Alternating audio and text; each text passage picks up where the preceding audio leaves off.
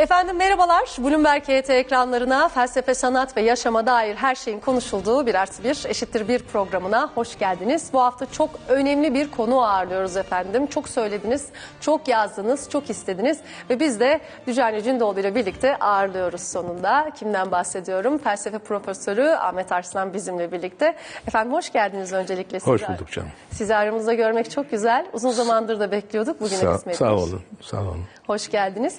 Ee, konu başlıklarımız da belli. Din Evet. ve felsefe üzerine yoğunlukta olarak konuşacağız. Şimdi din ve felsefe dendiğinde aslında biz bunu programlarda şu anlamda konuştuk. Hani ikisinin de hakikatle ilişkisi farklı.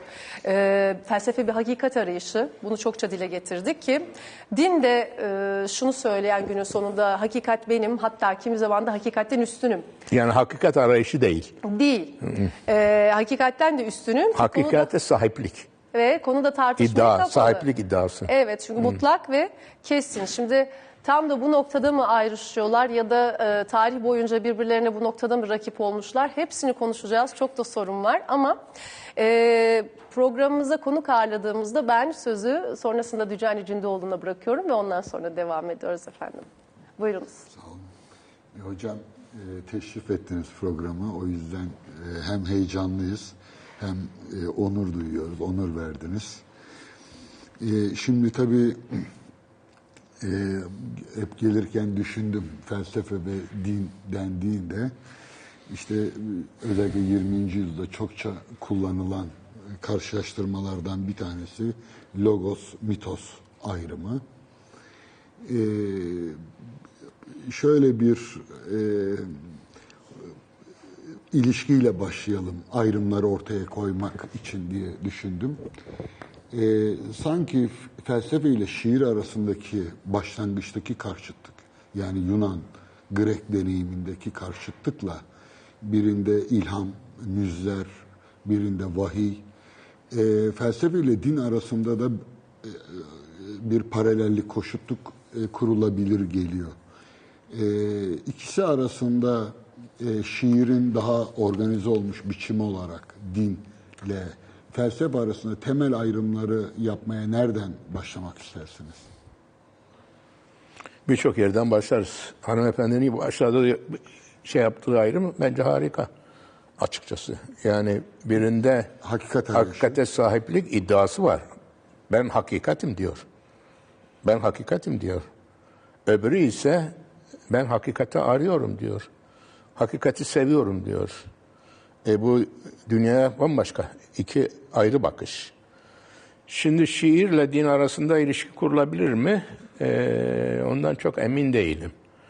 E, ama şiiri mitolojiyle ilişkilendirirsen, Evet. felsefeyi de akılla, logosla ilişkilendirirsen tabii ki o münasebet de var. Tabii ki o münasebet de var. Ee, e, Yunan dünyasında da doğrusu felsefeden önce şiir var. Şeyi tabii düşünerek sordum. Aristoteles'in şairleri sürekli teologlar olarak adlandırması. O belki kendi tarihinde ilgili bir şey Yunan... E, Homeros ve Hesiodos. Ama yani daha genel olarak şimdi felsefenin dili Yunan'da e, önce şiir. İlk e, Yunan filozoflar, Sokrates öncesi filozoflar şiiri kullanmışlar. Parmenides, Herakleitos, Empedokles. e, Empedokles, evet şiir kullanmışlar. Yani nesir e, aklın dili olarak daha sonra ortaya çıkmış. Hatta diyaloğa geçmişler. Biraz karşılıklı konuşma. Ondan sonra Aristoteles gelmiş. Aristoteles artık bizim gibi e, konferans, takrir, ders vermeye başlamış. Ağırdan alıyor. Alman şeyi gibi, efendime söyleyelim, profesörü gibi. E, tabii bu daha sonra e, de- devam etmemiş. Yani mesela şey de dili şiirdir. Lucretius'un. Lucretius da şeyi kullanır. E, şimdi e, bilemiyorum yani şiirle logos arasındaki veya e, retorikle felsefe arasındaki ilişki ne kadar e, verimli olur. E, ama tabii bu konuda tezler de var. Yunan felsefesi söz konusu olduğunda yani Yunan felsefesinin e, bir tür şiirin laikleşmiş doğallaşmış şekli olduğunu söyleyenler de var. Homeros, Hesiodos'tan hareketle e, onu da söyleyenler var. Ama her halükarda e, felsefe ortaya çıktığı anda deyim yerindeyse çok gündelik, çok prozaik, çok şey bir yani şey iddiası yok. Yüksek, e, üslup, e, hitabet iddiası yok. Dünyayı, doğayı olduğu gibi anlamaya çalışmak, açıklamaya çalışmak. İnsan biliyorsun Yunan'da önce kendinden değil doğadan başlıyor. Evet. Çünkü hatta şeyin zanneden Foucault'un ünlü bir lafı vardır. Yani kendini daha sonra doğadan doğaya çıktıktan sonra kendine döner. Kendini bulur. Yunan felsefesi e, insana dönmesi sofistlerledir. Ki 150 yıllık bir olaydan sonradır. Deyim yerindeyse önce e, kendisine veri olan kendisi değil. Yani insan kendi kendisine veri değil. İnsanın doğrudan doğruya ilişki içinde bulunduğu şey insanın etrafındaki şeyler, nesneler dünyası. Yani gök, yer, su, ağaç, doğa. Doğa. Orada eee, bir süre eskilerin deyimiyle e, tecrübe kazandıktan sonra, mümarese, egzersiz yaptıktan sonra yavaş yavaş biraz da maksitvari bir cümle oldu bu şimdi. Yani kendini o doğayla ilişkileri içerisinde yakalamaya, tanımaya, kabiliyetlerini, yeteneklerini ve yetersizliklerini görmeye başlıyor. Bu çok doğal. Yani duyularını kullanacaksın ki duyular nasıl bir şeydir. Aklını kullanacaksın ki nasıl bir şeydir. Akıl yürütmeyi kullanacaksın ki sonra kendisine dönüyor. Ama ta başından itibaren tabii bir de e, Yunan bilgeliğinden gelen bir şey var. O da şu. Yani hakikate sahip olmak çok fazla iddialı bir proje. Ama hakikati sevmek, hakikati aramak, Jaspers'in dediği gibi yolda olmak. Felsefe daima yolda olmaktır. Her zaman yolda olmaktır. Şimdi bence bunlar yani daha sonradan bakarak olaya bakıyorum. Bence bunlar insanın iki ayrı yanının şeysi, Ama e, felsefe, sonuçları. felsefe e, doğadan topluma döndüğünde e, malumunuz e, 20. yüzyılda bu Sokrat, Platon, Aristoteles'in eleştirilmesine de yol açtı. Tanrı e, felsefe topluma doğadan yüzünü topluma çevirdiğinde ortaya çıkmış gibi görünüyor. Ne demek bu anlamadım. Ee, yani mesela doğa filozofları hep tarihte de e, şeyde de böyle orta çağda da böyledir. Biraz böyle dinsiz imansız gibi görünürler. İyonyalı filozoflar. Doğru. Ee, buna mukabil e, şey e, Sokrates, Platon ve Aristoteles ilahi yundan kabul edilir. Yani e, Sokrat öncesi felsefe biraz daha sanki Tanrı karşıtı gibi görünürken e, Sokrat, Platon ve Aristoteles de işin içine e, Tanrı da girmiş gibi. Doğru. Yani bilmiyorum tabii bu çok şey bir mesele yani çok karmaşık bir mesele ama hemen aklıma gelen bir şeyi söyleyeyim. Ee, Sokrat öncesi filozoflar e, Tanrı'ya ihtiyaç falan duymuyorlar. Yani problemleri henüz ahlaki, hukuki, toplumsal olmadığı için Tanrı'ya ihtiyaç duymuyorlar. Doğayı anlamaya çalışıyorlar. Tekrar ediyorum. Yani doğada olup bitenleri anlamaya çalışıyorlar. İşte dönüşümü, değişimi anlamaya çalışıyorlar. Ana maddeyi, değişenin altında değişmeyeni, görünenin altında görünmeyeni anlamaya çalışıyorlar. Henüz burada toplumla ilgili e, bir şey yok. Bir iddia veya bir e, ilgi yok. Yani doğayı anlamak için Tanrı varsayımına gerek duymuyor. Hayır. Ama Yunanlar çünkü doğayı anlamak için Tanrı'ya ihtiyaç duymazlar. Çünkü Tanrı da doğanın bir parçasıdır orada. Yani Yunanlarda bizde olduğu gibi doğa, doğaüstü, ilahi, insani diye bir ayrım yok. Yani tabii çok genel olarak konuşuyorum. Anlatabildim mi? E zaten tanrılar da biliyorsun i- insani varlıklar olarak tasarlıyorlar. Yani insan biçimci. Hatta öyle de kanıyor. Tanrılar insanlarla ilişkiler var. Yani tanrılar insanlarla evleniyor, tanrılar insanları ayartıyor. Ee, Zeus kaç tane bilmem kadına e, Çocuklara çocuk- anlatılmayacak şeyler yapıyorlar. e, anlatılmayacak şeyler yapıyorlar. Yani e, ihtiyaçları yok. Sokrates'le birlikte Yunan dünyasında, Yunan sitesinde meydana gelen bir takım değişmeler var. O değişmeler Yunan toplumunun istersen saf, istersen o ne diyelim e, ilkel şeyini bozduktan sonra e, e, evet saflığını bozduktan sonra e, şimdi siteyi yeniden kurmak için Tanrı'ya ihtiyaç duyuluyor. Tanrı, şimdi çok basit bir şeydir şimdi. Çok düşün. Ne diyor şey? E, Protagoras insan her şeyin ölçüsüdür. Şimdi Platon'da buna yasalarda Şimdi heh, Şimdi bak bu çok enteresan bir şey. Ne Tanrı zaman diyor bunu? şeyin ölçüsüdür. 450'lerde falan filan söylüyor. Şimdi şimdi bunu söyler o. Tanrı her şeyin, insan her şeyin ölçüsüdür. İyinin de kötü, ölçüsü, kötünün de ölçüsü, doğrunun da ölçüsü neyse. Yani tabii bütün özellikleriyle insan e, korkunç öyle diyelim korkunç Platon ne diyor? Hayır. Tanrı her şeyin ölçüsüdür. Korkunç Platon mu diyoruz? Ben ben korkunç Platon diyorum. e, Platon'a Eflatun ilahi denir ya. Ben korkunç diyorum. Yani korkunç derken yani şey anlamda böyle empozan, e, zorba. Efendim, ben Platon'u sevmem. Devletteki Platon. Evet. e, şimdi dolayısıyla siteyi kurmak için Tanrı'ya ihtiyaç var. Bak siteyi kurmak için Tanrı'ya ihtiyaç var. Yani dine mi? Yani dine ihtiyaç var.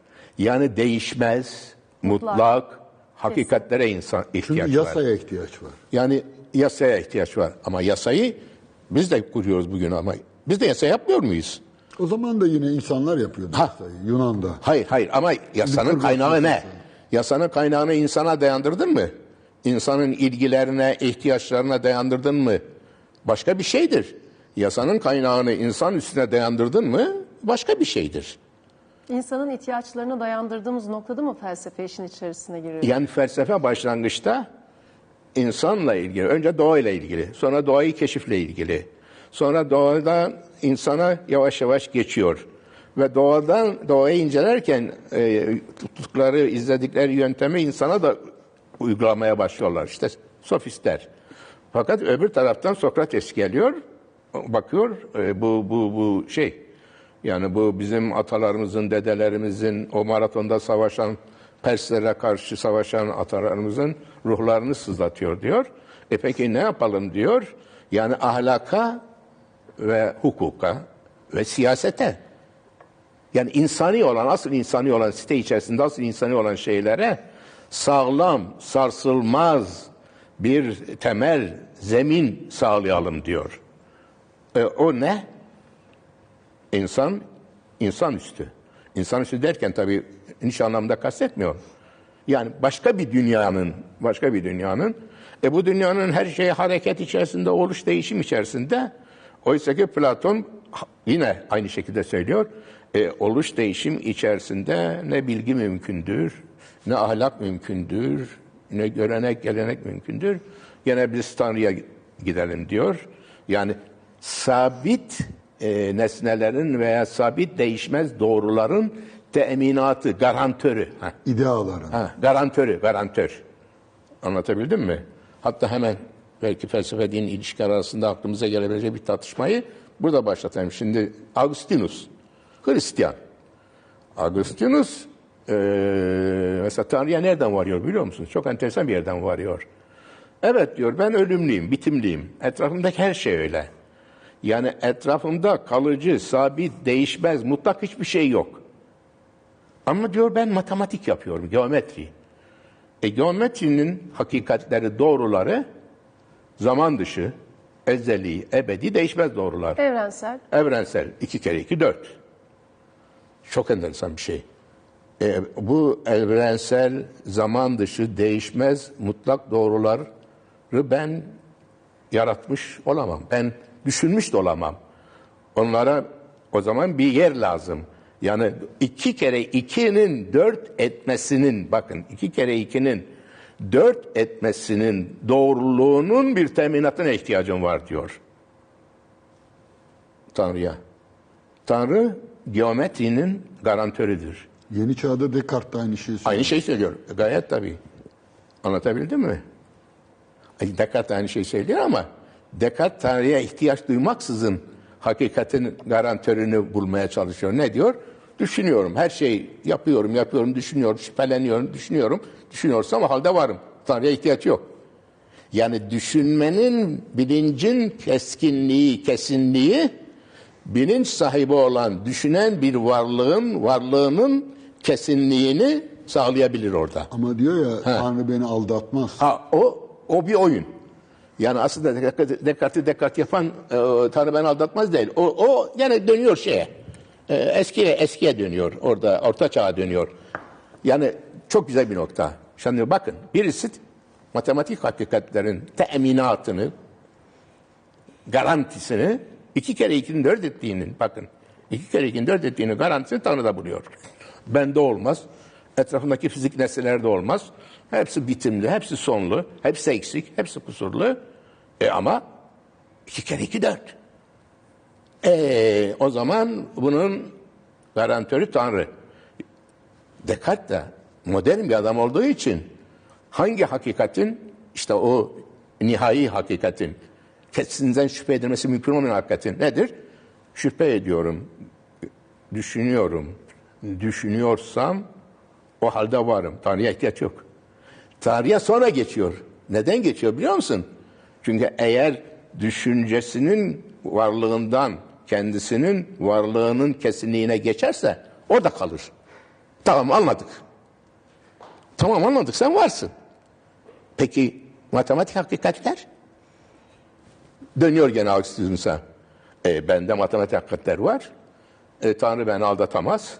O halde matematik hakikatlerin, yani Descartes'in orası parlak değil. Ama Descartes'in açmış olduğu yol önemli. İki kere ikinin dört edişini de de acaba kuşku duyabilir miyim diye sorup eee,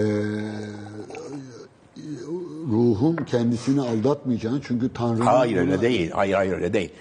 İki kere ikinin dört etmesinde de ruhum ben aldatabilir diyor. Haklısın. Descartes'ten bahsediyoruz. Evet. Ama aldat, oradaki o hakikatin içeriğinin önemi yok zaten. İki kere ikinin dört edip etmemesinin şüphelenebilir bir hakikat olup olmamasının önemi yok. Önemli olan şu. Ben bundan şüphelenirken, ben burada yanılabilirken bile yanılan bir varlık olarak var olduğumdan eminim. birinci adım o. Ha, işte birinci adım. Birinci adım orada. Ama işte o yeni. O yeni. Orada şey başlıyor. Modern felsefe orada gerçekten başlıyor. Ama sonra eski malzeme tekrar dönüyor. Temeli yeni atıyor ama eski malzemeden kerpiçleri gene kullanmaya başlıyor. Kerpiç o işte biraz evvel söylediğim. E ben varım, e kaldık tamam varsın anladık. Ve Sonra dış dünya, fizik hakikatler, matematik hakikatler, e hocam onlar da var. E nereden biliyorsun onların var olduğunu? Çünkü rasyonel akıl yürütmeyle, rasyonel akıl yürütmeyle sadece vardığınız kendi hakikatini kesinliğidir. Yani kendi varlığının hakikatini kesinliği. E ama sen matematik hakikatlere, dış dünyaya varacaksın. E canım benim içimde bir tanrı fikri var. Orada hakikaten çok çocuksu şeyler bunlar. E bende bir tanrı fikri var. E bir tanrı fikrini ben yaratmış olamam. Ve kim yaratmış oldu? E o tanrı onu oraya koymuş Çünkü oldu. bende bir mükemmellik fikri var. Ama bende varsın. kemerlik fikri var. Bunlar, bunlar şey. Bunlar ondan sonra hava gazı. Dönelim mi peki Müslümanlara?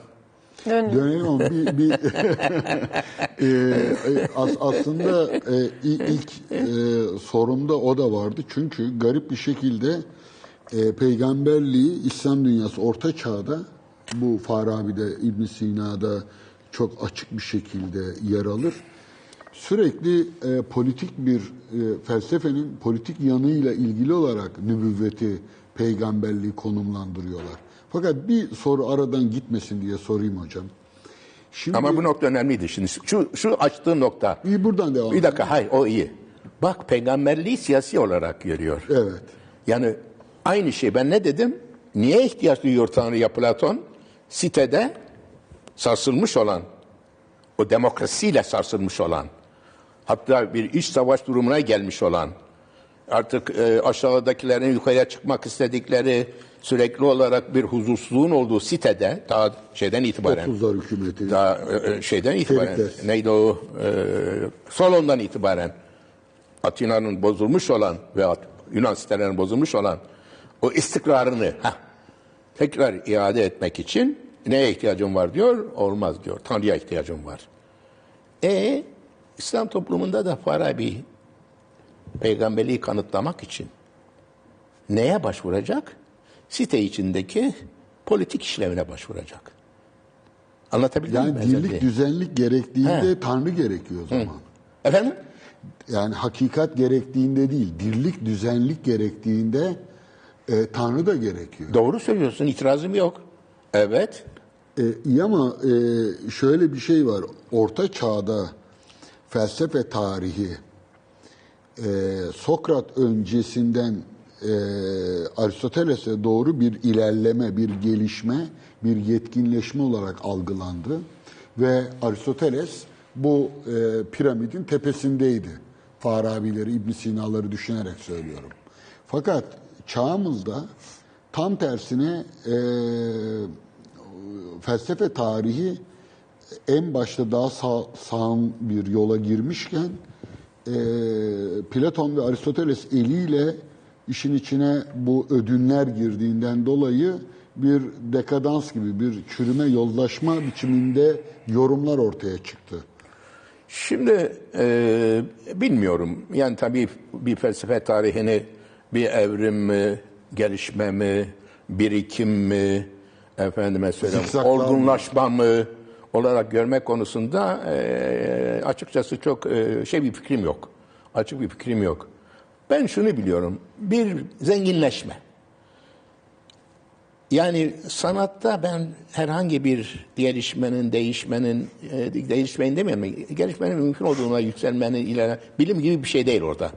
Yani orada ne bir progresyon var, yani progre var ne de bir şey var. Şu var ama, dili zenginleşiyor, diskur çeşitleniyor. Yani diyelim ki Yunan felsefesi başlangıçta doğa filozoflarında sadece doğayla ilgili meseleler, töz, öz, varlık, oluş meseleyle ilgilenirken e şimdi şeye geldiğimiz zaman, e, sofistlere geldiğimiz zaman buna ne ekleniyor? İnsanla ilgili meseleler ekleniyor. İnsanla ilgili meseleler. Yani insan dediğimiz zaman yepyeni bir şey alanı geliyor. E, bi- Bilgi, uğraş, faaliyet, ilgi alanı geliyor. E sonra e, e, şeye geçtiğimiz zaman e, işte e, Sokrat ahlakı bilimsel olarak temellendirmeye çalışıyor. Ama başarıyor, başarma ayrı mesele. Ve Platon'a geçtiğimiz zaman siyaset ekleniyor. Aristoteles'e geldiğimiz zaman o felsefenin kuşatıcı, sistematik, e, paradigmatik bakış açısı Aristoteles de içine bu sefer retoriği alıyor, poetiği alıyor. Yani bütün bir dünya kuruyor adam. Bütün bir dünya kuruyor, bir şey sağlıyor bize. Öyle değil mi? E bu, bu nedir? Bu ilerlemedir. Yani e, e, denebilir. İtirazım yok. Ama- Ama, bir manada da gerilemedir bu. Bir Hangi manada gerilemedir. Aslında güncelleme gibi duruyor. İnsanın ihtiyaçlarına göre e, güncellenen bir durumdan E, bahsediyor. doğru. Hangi anlamda gerileme dediniz? Ha şu manada yani e, felsefe e, şöyle daha basit bir şekilde söyleyeyim. Evet haklısın aslında iyi bir soru. Ben arada bir bunları da düşünürüm. Yani Platon Aristoteles gelmeseydi Yunan felsefesi ne olurdu?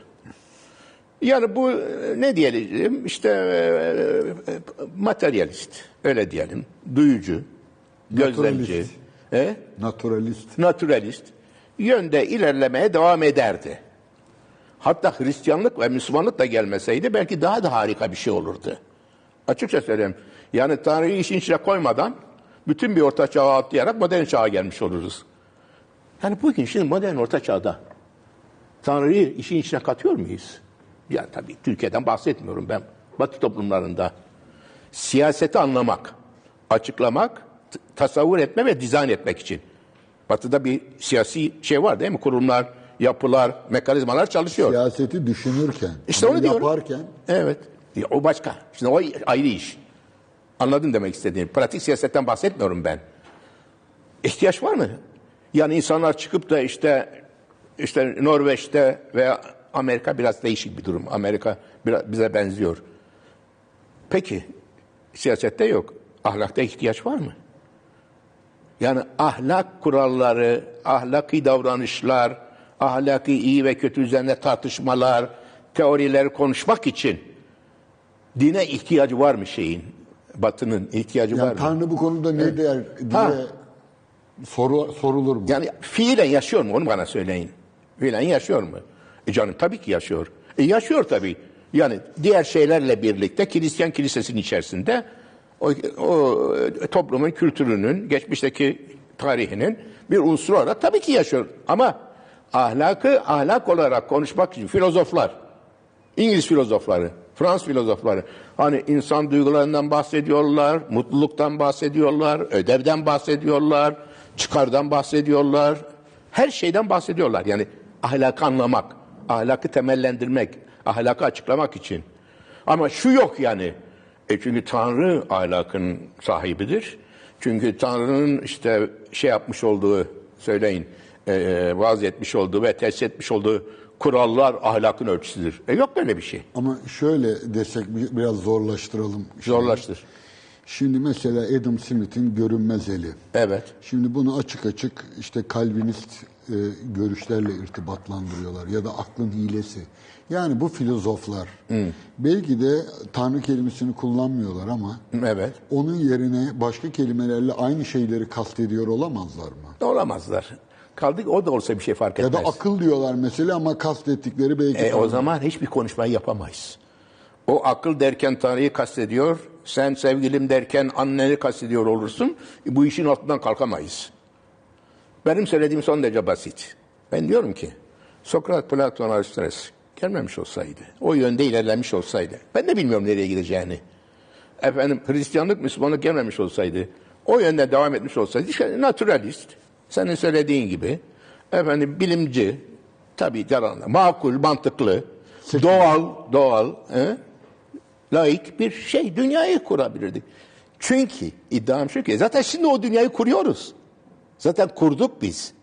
Yani şimdi Batı toplumunu anlamak istiyorsan, şu anda Batı uygarlığını anlamak istiyorsan, Batı edebiyatında, Batı ahlakında, Batı hukukunda, hı? Batı hukukunda var mı şey? Tanrı var mı? Hatta Batı sanatında, hatta Batı sanatında Tanrı var mı ya? Batı mimarisinde, Batı resminde var mı Tanrı? Var mı ihtiyaç ona? Şu anda tabii diyorsun. E Ben de şu anda bahsediyorum. İddiam da zaten o. Ve iddiam da o. Yani öyle söyleyenler de var. Sen soruyu sordun ya. Ya bu acaba bir şey? Ya, e zaten şeyin kavramı da odur. Bakın ilk çağ, orta çağ, yeni çağ kavramı da odur. Yani şöyle düşünülmektedir. Bir ilk çağ vardı. Anlatabildim mi? Bir de yeni çağ var. 10, 15, 16 neyse başlayan. E bir de bu arada, arada böyle bir kesinti, ruptür meydana geldi. Orta çağ. Orta çağ. Karanlık çağ. Ha orta çağ karanlıktır değildir o ayrı mesele. Oraya girmem ben şimdi. Ama böyle bir bakış açısının pek âlâ savunulabilir olduğunu düşünebiliyorum. Söyleyebilirim. Ha gene de başka da bir şey söyleyebilirim. Hani benim şahsi kanaatim, asıl gerçekten şahsi kanaatim şudur.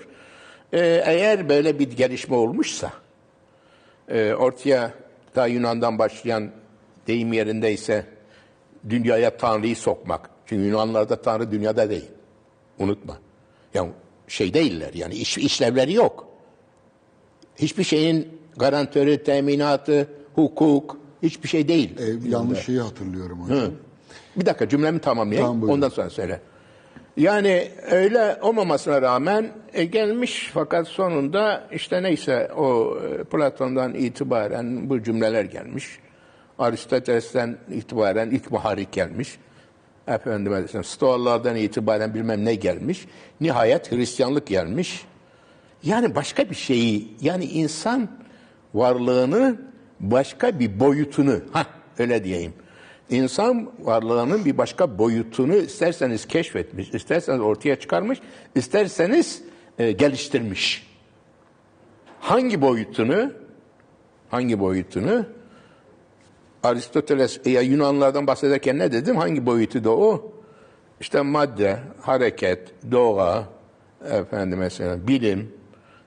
Oysa ki öbür tarafta yavaş yavaş artık ruh, efendim gelecek hayat, ölümsüzlük, bilmem anlatabildim mi? Duygu, heyecan, merhamet. Bakın size enteresan bir şey söyleyeyim size. Aristoteles'in ahlakı içinde merhamet diye bir şey yoktur.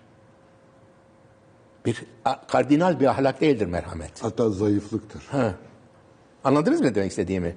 Şimdi bir bakış açımıza göre değişir. Acaba bu e, Aristoteles'in erdemleri içerisine, dünyevi, insani erdemleri içerisine ve projesi içerisine efendime söyleyelim hani dostluk, dostluk, efendime söyleyelim işte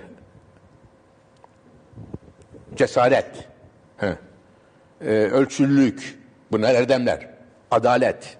Bakın hepsi insani erdemler. Dünyevi ve insani erdemler. Peki merhamet? Aristoteles'in dünyasında merhamet yok. Efendime söyleyelim. E bu acaba merhametin dünyaya sokulması, insan hayatının... Hristiyanlıkla. E, işte Hristiyanlıklı tabii onu söyledim. Merhametin dünyaya sokulması bir büyük bir erdem olarak dünyaya sokulması. E peki acaba insanlığın genel gelişmesi içerisinde hayırlı mı olmuştur? Dönemin şartlarına bağlı değil midir bazen? E gayet tabii ki ama biz de dönemin şartlarını konuşuyoruz şu anda. Biz de onu konuşuyoruz şu anda. Yani aklımız var konuşuyoruz. Yani benim kanaatim insanın e, bir başka yanını, istersen akılsal yanını demeyelim, makul yanını demeyelim, bilimsel yanını demeyelim, duygusal, teessüri, heyecansal efendim e, yanını, derinliğini ortaya koyması bakımından ayrı olmuştur. Yani bir de o var yani onun bir de e, açtığı e, başka alanlarda açtığı şeyler var, yollar var. Yani sanat, mimari, müzik.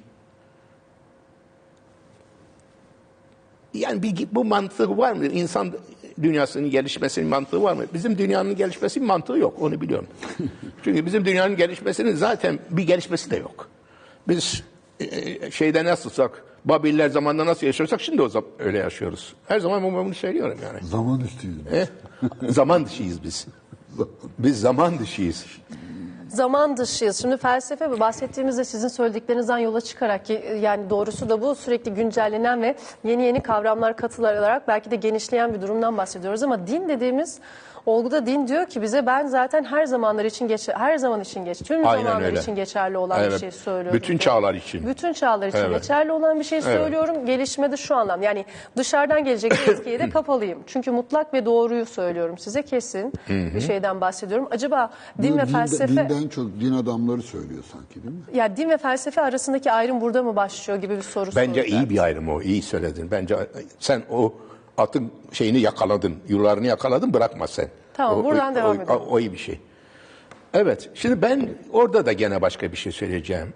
Galiba bizim bir taraftan değişmeye, gelişmeye, özgürlüğe ihtiyacımız var. Bir taraftan da istikrara, eee, değişmemeye, emniyete, güvenliğe ihtiyacımız var. Ne dediğimi anlatabildim mi? Evet, din güven verici. Ve bu burada hangi yanların değişmesi gerekiyor? Ha- hangi yanların hep aynı kalması gerekiyor? Onu doğru doğru Şimdi- karar vermek lazım. Yani Platon'un da yakaladığı, dinlerin de yakaladığı şey öyle. Yani şeyi içerisinde, hani dünyevi olan içerisinde dünya üstü. Değişmenin içerisinde değişmeyen. İnsani içerisinde ilahi. Bilmem anlatabildim mi? Bize şey veriyor o, e, güvenlik veriyor o. Yani şeyden bahsetmiyorum bile. Gelecek hayattaki o ödüller, cezalardan bahsetmiyorum bile. Yani bu dünyada bile bizim yaşarken hayatımızın değişen boyutları yanında, değişen yönleri yanında, hele özellikle çağımızda, değişme bizim temel boyutumuz çünkü şimdi, e, değişmeyen, ebedi, ezeli, kalıcı olan bir şeye de ihtiyacımız oluyor. Bilmem anlatabildim mi? İşte onu orada buluyoruz. dinde buluyoruz. İşte onu orada Güven buluyoruz. Din verici. hala onu veriyor bize. Fakat Din bu burası pek açıklık kazanmadı. Din bizde değişmeyen ha- hangi yanın değişmediğini söylüyor. Dinimizde hiçbir şeyin değişmediğini söylüyor. Yani hukuk diyor değişmez. Şey diyor, Ama Tanrı şeriatları değiştiriyor. Ya Musa'yı ayrı gönderiyor, İsa'yı ayrı. Ya bunu yani bir dakika. Tanrı'nın şeriatları değiştirdiğini biz biliyoruz. Ya bir Müslüman Tanrı'nın şeriatları değiştirdiğini düşünüyor mu? yani en Ya bir Hristiyan düşünüyor mu? Bir dakika. eğitimli bir Hri- e, Müslüman bilir ama bunu. Yahudi düşünüyor mu? Yani mesela Yahudi bak Hristiyan Yahudinin şeriatını değiştirdiğini düşündüğü için Hristiyan oluyor. Öyle değil mi? İsa söylüyor zaten. O şeriat diyor insanlığın çocukluk çağına aittir diyor. Hatırla. Efendim. E peki bunu Yahudi kabul ediyor mu? Yani Yahudi Hristiyanlığın bu iddiasını, kendi şeriatını İsa aracılığıyla yeni bir şeriata tahvil etmesi, değiştirmesini kabul ediyor mu? şimdi e, şunu şeyin De- din kendi açısından kabul etmiyor, kendi içinde kabul etmiyor. Biz, sen, ben dinlere dışarıdan bakan adam olarak diyoruz ki bak Musa'ya başka bir şeriat gönderiyor, İsa'ya başka bir şeriat gönderiyor, Muhammed'e başka bir şeriat gönderiyor. Yani dine mensup olan adamın duygusu ve psikolojisi açısından düşün meseleyi. mesela bir ö- örnek e, vereyim. Şey Ebu Hanife Evet. ilginç bir şekilde e, sadece iman ve amel ayrımı yapmaz. E, din ve şeriat ayrımı yapar. Öyle mi bilmiyorum. E, Evet ve şey der, e, şeriatlar değişir E, ama din değişmez. Tanrı bir tek din göndermiştir Musa'ya da, İsa'ya da, Hazreti Muhammed'e de ama muhtelif şeriatlar göndermiştir. Şimdi dolayısıyla yani e, dinle ilgili Doğrusu bu çok modern bir şey.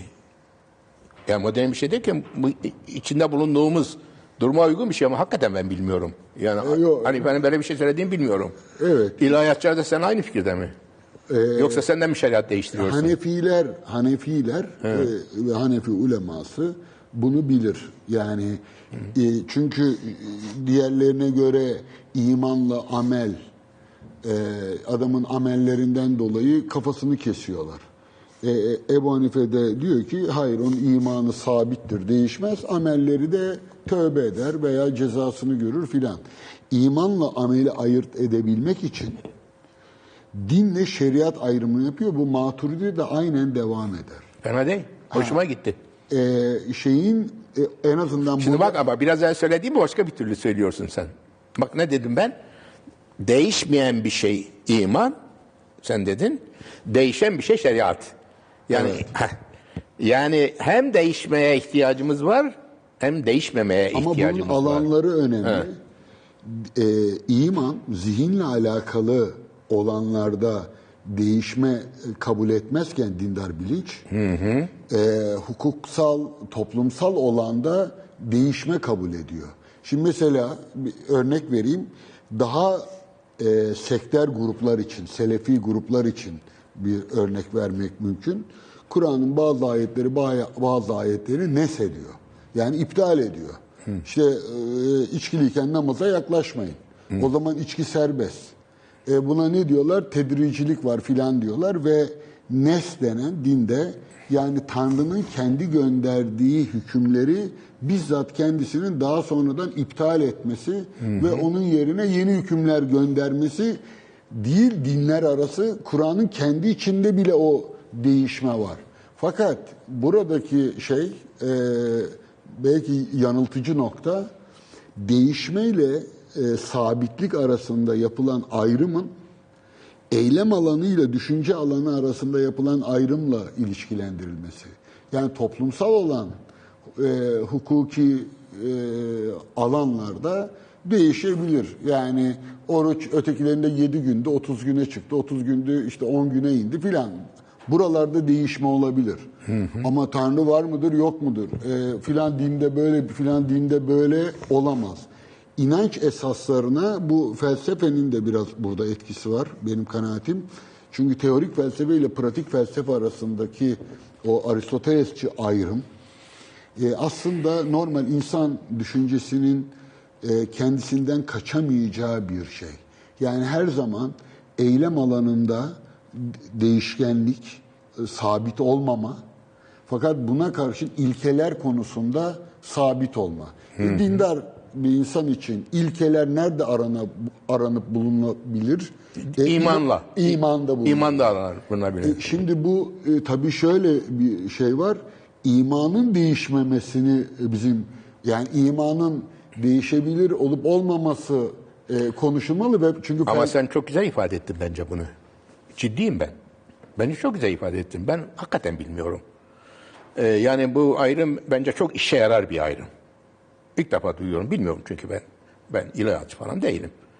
Efendim şimdi iman e, bir ruh hali. biz tabii bu sözlerin tevazunun zahirine aldanmıyoruz hocam. Yo yo ben ciddi, ciddiyim ben. Ben ciddiyim hayat tabii yani çok güzel bir buluş veya keşfediş veya düşünce. Şimdi iman bir ruh hali mi? Ee, o ruh hali inançlı bir adamın, iman eden bir adamın ruh hali ile ilgili bir şey söylüyorsun. Ee, yani mesela dünyaya iyimser bakış, dünyaya kötümser bakış, dünyanın bir anlamı olduğunu düşünme bakışı. Öyle değil mi? Bak bu, iman bu. Yani dünyanın bir manası var. Ee, veya insan hayatının insan hayatının bir anlamı var. Veya bir amacı var. Bak bunlar çok güzel. Bunları e, iman denilen şey altında toplayabiliriz. O duygusal, e, ruhsal, içtenlikli e, hal için içte toplayabiliriz. İman değişmez ama şeriat değiştir. O da güzel. Yani ayrımın harika. Veya senin adamın söylediği adamın ayrımı harika. İyi de şimdi sen gel bunu bana anlatma. Ben her zaman Müslümanlar bunu söylüyorum biliyorum. Bana anlatma. Birbirimize anlatın bunu. Anlat bunu Ali Erbaş'a bakalım. Yani seni şey yapmak için söylemiyorum. Seni. Anlıyorum. Kışkırtmak için söylemiyorum. Anlıyorum. E anlat bunu bak ilaççılara. Ya kardeşim bak Ebu Hanife. Bak yaptığı ayrım. Bak o gün de konuştuk. Bak bu ayrım bizi nereye kadar götürüyor? Bakış açısı, e, e, e, ruh hali olarak zaten değişmesi de gerekmez. Ya hayatın anlamına olmadığına inanırsın ya olduğuna inanırsın. E, şeyin e, söylediği gibi William James ama hayatın anlamı olduğuna inanmak, iyimserlik bambaşka bir ruh halidir. Ve o zaten değişmez, değişemez de. Değişmemesi de lazım. Veya o değişirse her şey zaten değişir. Değişir. Heh. Ama öbür yandan dünyevi bir takım şeylerimiz var, kurallarımız var. Yani işte kadının bilmem e, nafakasının mirastan bir hisse, erkeğin iki hisse, şahitliğinin bir, öbürünün iki vesaireden bahsediyorum ben. Veya içki içme yasağı. Ve içki içme yasağı. Şimdi o nes, mes, mensuha hiç girmeyelim. Oraya girmeyelim. Ama bence bu çok iyi bakış açısı da. İyi de sevgili eski dostum benim. Yani Müslümanlık bakımından eski dostum. Yoksa ben gene dostumsun da. Bunu bana niye anlatıyorsun? Ben de zaten bunlara varım. Sen git bunu şeye anlat. Ama burada şöyle Ee, bir- Hayrettin Karaman anlat. Evet. Ha, Ee, bu- Hayrettin Karaman bu- anlat. burada Evet. şöyle- Bak bakalım ne yapacak sana. Şöyle bir e, problem var e, sevgili hocam. Şimdi e, 19. yüzyılla birlikte İslam dünyasında e, çok ilginç bir gelişme yaşandı. E, asırlarca değişebilirin alanı ki mecelle kaidesidir. Zamanın tagayyürüyle ahkamın tagayyürü inkar olunamaz. Yani zaman değiştikçe hükümler değişir. Fakat ilginç bir şekilde e, İslam dünyasındaki yaşama biçimleri bırakın dini olmasını örf olduğu halde bunlara bir değişmezlik, bir tanrısallık atfedildi ve e, ki İslam dünyasındaki sıkışıklığı da be- ben biraz burada görüyorum. Değiş, özü değişime olan alanlara değişmezlik atfedildi. İtirazım yok. Ama bu İslam dininin kendisinden mi? İslam dininin uygulamasından mı? İslam dininin ilkelerinden mi? O ayrı mesele. Ben reformculuğa karşı olduğum için hocam çok He. açıklıkla He, onu bilmem ben. di- dinin kendisinin buna izin verdiğini, bu kadar bu dine inanan insanları yani şu, şu çok e, yanıltıcı bir yaklaşım. E, din dört dörtlüktür, mükemmeldir ama Müslümanlar kötüdür. Kusur varsa onlarda var. Çok güzel. Yani 15 asırdır bu kadar e, büyük zeka çıkarmış bir uygarlığın kutsal metnini anlamakta bu kadar ilkel bir şekilde varsayılmasını doğru bulmuyorum. Güzel. Bu da o, güzel. o yüzden e, Bu da iyi. din dinin kendisi yani kutsal metinlerin e, hadisleri koyanlar var, koymayanlar var. Bence bu yanılgıya zemin hazırladığını e, düşünüyorum. O yüzden hatta e, bir vesileyle şey dedim.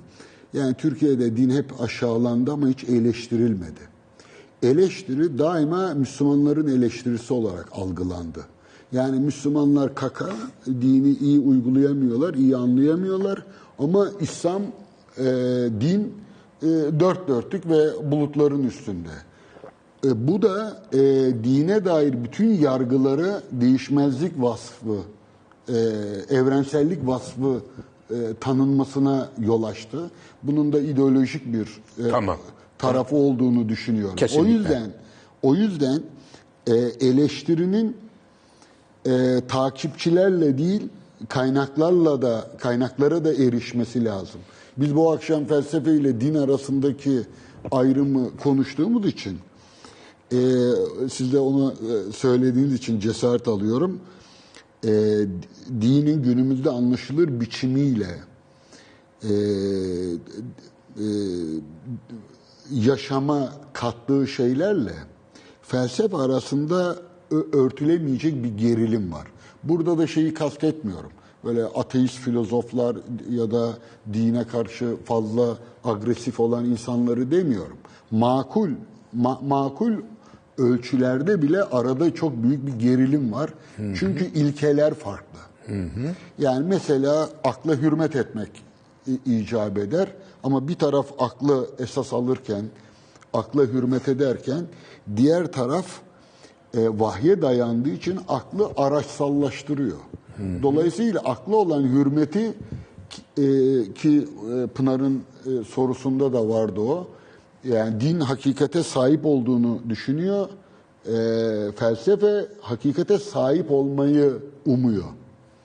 Buradan e, ilerlersin. Peki ilerleyelim. Şimdi bir defa senin açtığın konu çok hoştu. Onu sana söyleyeyim. Ama tekrar ediyorum beni değil başkalarını ikna edeceksin. Ben ikna edilmeye hazırım zaten orada. Anlıyor musun ne demek istediğimi? Ha, şu da enteresan. Orada da iyi bir şey söyledin. Yani onların ikna edilmeye hazır olmaması, onların inandıkları dinin kendisinin içinde ilke olarak bunun olmamasına ileri gelmiyor.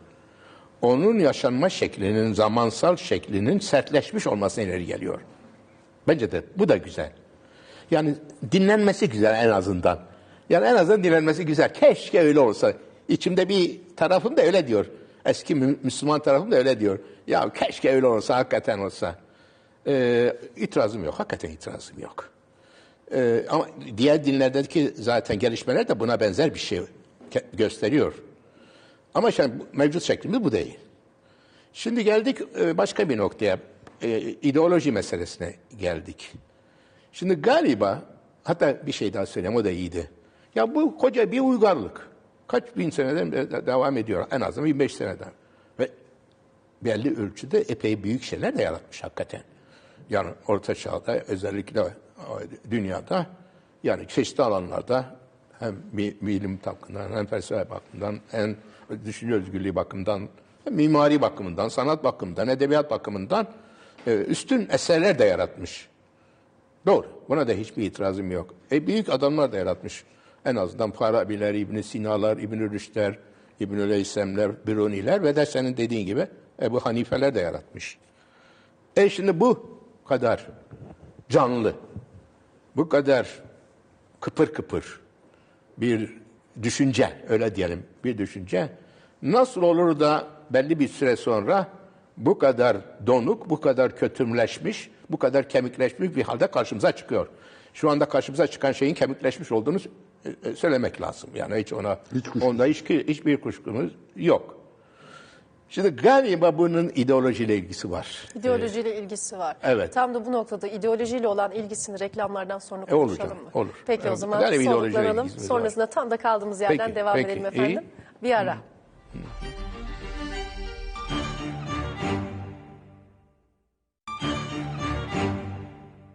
Tamam tamam hadi.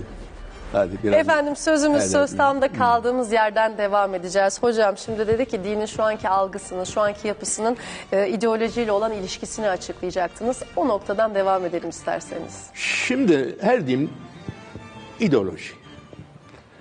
Ee, her dinin içinde birçok şey var.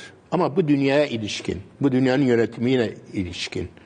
Yani politikaya ilişkin unsurlar hepsinde ağır basıyor. Bunu da kabul edelim. Ha, bazı dinlerde daha fazla ağır basıyor. Bazı dinler daha ahlaki, bazı dinler daha politik. Öyle diyelim. Ben tabii politik derken hukuku da için içine katıyorum. Şimdi gene çok genel konuşalım. Yani hepimizin bildiğimiz şeylerden konuşalım. Ee, peygamber Mek Medine'deyken din. İslam bir din. Ama peygamber Mekke'ye e, Medine'ye geldiği zaman din değil artık. Tabii ki din. Ama esas itibariyle artık ideoloji. İşte inançtan, İşte. imandan şeriata. E, evet ya hukuk. Hukuk. Yani şey kuracaksınız siz. Bir toplum kuruyorsunuz. Bir devlet kuruyorsunuz. Teokratik bir devlet kuruyorsunuz. Bir tanrı devletini gerçekleştiriyorsunuz. Doğru mu? E tanrı devletini ahlakla kuramazsınız. Tanrı devletini tavsiyelerle kuramazsınız. İyi niyetlerle kuramazsınız. Neyle kuracaksınız? İdeolojiler. İdeolojiler. Yani suç ve cezayla. Günahla Kuralla. Kuralla kuracaksınız. Yani bunu, bu benim söylediğim zaten yeni bir şey değil biliniyor. Orada peygamber, orada devlet adamı. Orada devlet kuruyor. Şimdi eee, her dinde şeyin de söylediği gibi dünyanın gayet iyi imanla ilgili kısım var. E, de- deyim yerindeyse eylemle ilgili kısım var. Ama burada kastettiğim eylem yani imandan doğan eylemden çok hukuk. Ha, hukuk falan kastediyorum. Yani toplumun tedvin edilmesi, yönetilmesiyle ilgili tesis edilen kurallardan bahsediyorum. Şimdi ayrıntıya girmeden konuşuyorum. Ee, ayrıntıları zaten il- ilahiyatçılar konuşurlar onlar. Çok güzel konuşurlar. Konuşurlar da bir işe yaramaz bunların hiçbirisi. Şimdi ee, Hristiyanlık ee, Roma ortamında doğduğu ve çok uzunca süre ee, bir devletin içinde hatta devlete rağmen hatta devlete karşı hatta devletin baskısı altında yaşamak zorunda kalmış olduğu için ağırlığı esas olarak imana vermek zorunda. Yani kendi aralarındaki ilişkileri düzenlemek üzere bir şeriattan bahsetmek zor. Şeriat derken yani cemaatin kendi aralarındaki ilişkilerle ilgili bir şeyden bahsetmiyoruz biz. Bu Hazreti İsa'nın mesajıyla da alakalı. O da ilgili de yani biz daha basit konuşmaya çalışıyoruz. Ee, e, yani ritüelleri var. Ee, işte birbirlerine dayanışmaları var. Ayinleri var. e, duaları var. Bol bol ama, mucize var. Ama, ama mucizeler var vesaire. Bir cemaat. Ama şey değil. Yani site değil. Site kurulmuyor. Site derken ben hep şeyi kuruyorum. Yani politik bir varlıktan bahsediyorum. Site o. E sonra ne oluyor? E, sonra e, tabii Roma devleti e, önce Hristiyanlığı meşru kabul ediyor. Sonra da tek din olarak kabul ediyor. O da yavaş yavaş bilinen bir şekilde Roma devletinin yerine kendini ikame ediyor.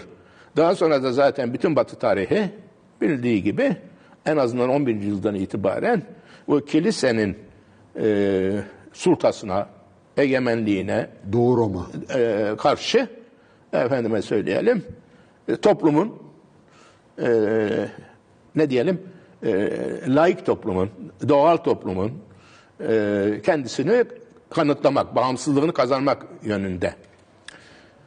Dolayısıyla söylüyorum ben Hristiyanlıkta iman unsuru hem başlangıçta var, uzunca bir süre var. Hem de sonunda bu çekirdek veya bu ruh kaybolmuyor hiçbir zaman için.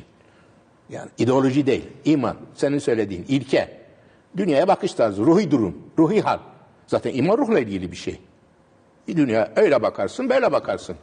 Karımı seviyorum, karıma sevgimde imanım var benim.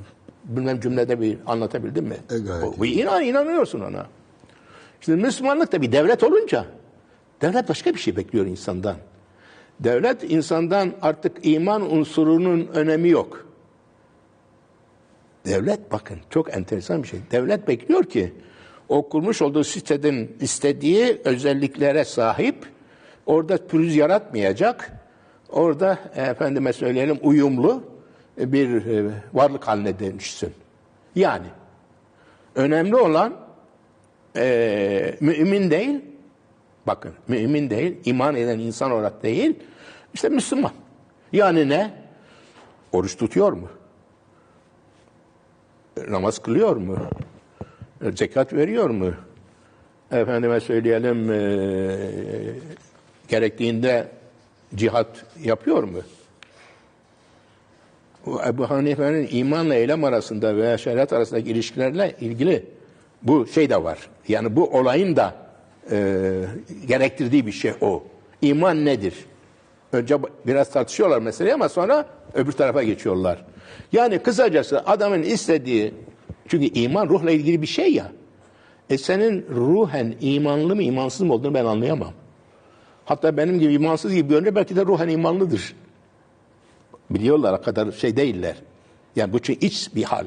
Ve iç bir hal ancak Tanrı'ya şeydir, e, söyle, açıktır. Öbürüne açık değildir. O zaman şunu diyorlar. Bırakalım bunun iç hallerini, o onunla hırsın arasındaki mesele. Bak ne kadar modern. O onunla Ay- Aynen böyle. ha, Tanrısı arasındaki mesele. E, peki toplumu hangi insanlardan ve ne tür insanlardan kurarak bu işi devam ettireceğiz? Kurallara uyan. Ha, çok güzel. Kurallara uyan ve uygulayan. Yani ne? Hukuk. Yani ne? Siyaset. Şimdi anlatabildim mi? Belki yapısında, doğasında, başlangıçta istenen şeyin içerisinde, insan tipi içinde, yaratılmak istenen insan tipi içinde ruhla, imanla, inançla ilgili şeyler var. Ağır basıyor. Ama sonunda gelinen noktada belli bir noktadan sonra artık istenen şey o değil. Ben onun iç hallerinin nasıl olduğunu bilemem, ölçemem, yargılayamam. Ama dış hallerini bilebilirim. Dış hallerini ne yazarsan yani işte bunları. ibadet. Yani din neye dönüşüyor ondan sonra? İmandan hukuka. Hatta Bilmem anlatabildim mi? İdeoloji bu işte. Yani de ideolojiden kastettiğim bu. Şimdi pa- pardon. Yani ideolojide politika var mı? E var tabii. kendisi politik bir kurum zaten. Hay, hay kendisi hem politika hem politika. Şu manada var. Cumhurbaşkanımıza itaat ediyor mu? Yani anlatabildim mi ne demek istediğimi? Anlatabildim mi? O da Cumhurbaşkanımız da lafın gelişi o şey yapıyor mu işte istişarede bulunuyor mu? O da onunla ulul emre itaat ediyor mu? Şimdi beklenen şey içsel bir şey değil. içsel bir davranış değil. Din içsel bir şey. Ama şeriat dışsal bir şey. Senin söylediğin kavramlarla konuşuyorum. Ee, başta da e, O zaman din hukuka indirgeniyor. O zaman ortaya Hayrettin Karaman çıkıyor. Anlatabildim mi? e, bu, bu biraz e, aslında e, meselenin kendi doğasında var gibi. Mesela Mehdi Bazergen gibi adlı bir İranlı Biliyorum, tanıyorum. Evet. Kur'an'daki ayetleri kronolojik olarak e, sınıflandırmasıyla meşhurdur. E, onun e, tespitlerine göre, yani bu konuda çok yapıt var da, e, Mekke döneminde e, cennet cehennem tasvirleriyle doluyken, Medine döneminde cennet cennet tasvirleri e, azalıyor ve neredeyse yok oluyor. Yani bunu da şöyle e, açıklıyorlar. E, Mekke döneminde inanç vardı. E, muhalefettelerdi, eziliyorlardı. E, dolayısıyla cennet cehennem umut vermek bakımından Veya ce- korkutmak bakımından. yani inanç inanç orada işe yarıyor, ahiret inancı. Fakat öteki tarafta iktidarsınız. Astınız astık, kestiğiniz kestik. E, artık o tasvirlere hukuk girince işin içine e, o, o tür geleceğe erteleme, gelecekle korkutmak yerine bizzat hakimin, kadının ya da ulul emrin kılıcı var elinde. Doğru. Buna gerek kalmıyor. Yani neticede şunu görüyoruz. Yani şu anlaşılıyor, Müslümanlar biraz acı çekmeliydiler. Bilmem anlatabildim mi? Ne Ya- anlamda? yani imanlarının pekişmesi için, İklim sanki buna pek müsait. değil. imanlarının derinleşmesi ve zenginleşmesi için, bir içsel zenginliği yaşamaları için. Zaten daha sonra bunu başka bir şekilde sonra işte mutasavvıflar onu yaşıyorlar. E bakıyorlar ki ulan din şey oldu. İşte şeriat oldu. Yani hukuk oldu, şekil oldu, şekil oldu, şekil. Legalist, legalizm oldu. E, e, iç dünya ne oldu? İç dünya. Hani o ruh hali, işte Tanrı'yla ilişki, geçilen seyirler, sülükler, makamlar, mertebeler, psikolojiler. Bilmem anlatabildim mi? Onun şeyini hissediyorlar. Yani aşırı Onun- bir dışsallık var. evet. Ha. Bu dışsallığa çok e- ehemmiyet veriliyor. Evet, evet. Ama iç dünyanın oluşmasına izin verilmiyor. Evet. Bu felsefede de e, esas İbn Haldun bunu çok güzel söyler. Yani dışsallığa bir tepki. Yani dışsallığa bir tepki olarak içsel dünyanın ihtiyaçlarını ön plana alan bir heyecan hareketi başlangıçta. Tasavvuftan bahsediyorum. Evet bir de tabii şey de çok açık. Ee, burada aslında e, meselenin e, sosyolojisini kaçırmamak lazım. Ulema bu iktidardan, bu güçten pay alıyor, bu hukuktan. Şeyin Gazali'nin bile en çok e, kızdığı şeyler İslam dünyasında tıbbın e, olmaması ve gayrimüslimlere, doktorlara gidilmesinden şikayet eder. E, der ki e, tıp da farz-ı kifaye şeyde, fık, e, fıkıhta. Ama herkes e, hukukçu olmaya çalışıyor. E, çünkü para orada var diyor. Yani bu dışsallık siyasal açıdan olsun, toplumsal açıdan olsun büyük bir çıkar mekanizması olarak çalıştığından dolayısıyla bu çıkar mekanizmasına katılmayanların içsel dünyalarının gelişmesinden söz edebiliyoruz. Ya bir de içsel dünyanın zenginleşmesi monark için, hükümdar için tehlike. Yani bugün mesela tarikatlarda böyle bir Anlatabildim mi? O tehlike. Adamın iç dünyası ne kadar zenginleşirse o kadar muhalif olur. Hocam anlatabildim. İki şey olabilir. Dış dünyadan o da çekilir. inzivaya çekilir. Yani dünya ile ilgili dertlerden uzaklaşır, iddialardan uzaklaşır, muhalefet etmez. Mistisizmin bir türü olur. Veya tam tersi. Yani iş dünyası zenginleştiği zaman der ki ya bu bizim yaşadığımız hayat hayat değil ki. Yani bu bizim yöneticimizin hatta bizim kadımızın yaşadığı hayat hayat değil. Hatta bunun örnekleri var. Martin Luther onun başlattığı hareket yani sadece bir şey hareket değil mistik hareket o. Bu manada mistik bir hareket. Anlatabildim mi? Fakat bizde mesela şu anda 21. yüzyıl için söylüyorum. eee, şeyin bu iç dünyanın zenginliğini en çok eee, yansılaması gereken gruplar, cemaatler, tarikatlar onlar da hukukçu, fıkıhçı. E çünkü adamın başka bir dili yok, dili. Adamın tanıdığı, bildiği dil o dil. Yani ta başından itibaren adamın bildiği dil ne dili? Siyaset dili. Hukuk dili, iktidar dili. Ona sahip, ona ulaşmak istiyor. Öbürü de zaten şunu biliyor, yönetici. Yönetici de akıllı.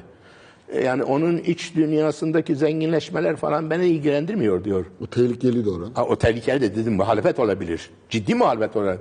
Her türlü mistizm onun için ciddi bir muhalefet olabilir. Anlatabildim mi? Kendisini başka bir yerden vurur. O da ona şunu diyor. Sen benim cihadıma fetva ver. Bilmem anlatabildim mi? Şefle büyücü anlaşıyor. Ha, yani benim bu dünya yönetimim var ya, o dünya, dünya yönetiminde benim e, meşruluğumu şey yap, e, destekle. Destekle. Hani ben savaşa götüreceğim bunları, ben vergi alacağım bunlardan, işte ben şunları yapacağım, bunları yapacağım. Anlatabildim mi? Bir de bana şey diyor, şey ge- geliştir. ne diyelim, ideolojiler ama bu sefer şey ideolojiler. E, meşrulaştırıcı ideolojiler geliştir. Yani böyle adalet çok önemlidir. Halka, adalet halkası, adalet dairesi falan. E çünkü adam şey. Ha, şimdi gene Batı ile Doğu arasında bir fark. Şimdi kilise iktidar kendisinde uzunca süre olduğu için, kendi şeyi de olduğu için, vergi kaynakları, gelir kaynakları olduğu için sallamıyor o şeyi. Arazileri. Araziler olduğu için devleti sallamıyor. Öbür gariban bu gigil gibi. Öbürünün öyle bir imkanı yok. Şeye bağlı. e, hükümdara bağlı. Hükümdarın e, Sultana. e, sultana bağlı. Yani sultanın kendisine vereceği ma- maaşa bağlı. Anlatabildim mi? Mesele o. E, o zaman e, sultanın atına binen sultanın borusunu çalar. E, gayet tabii. Bak şimdi ilahiyat fakülteleri nasıl besleniyorlar. Ne kadar hepsi semirdiler onlar. Yani doğal. Ya, bilmem anlatabildim mi? Hatta bundan 30-40 sene evvel biliyorsun şeyler. imamlar imamlar e, öyle maaş falan filan da almazlardı. Politika onları o hale getirdi. Şimdi artık onlar devletin tam memurları oldular değil mi? Memur oldular, memur. Devlet memuru. Şimdi bak ne kadar enteresan değil mi? İmam devlet memuru oluyor.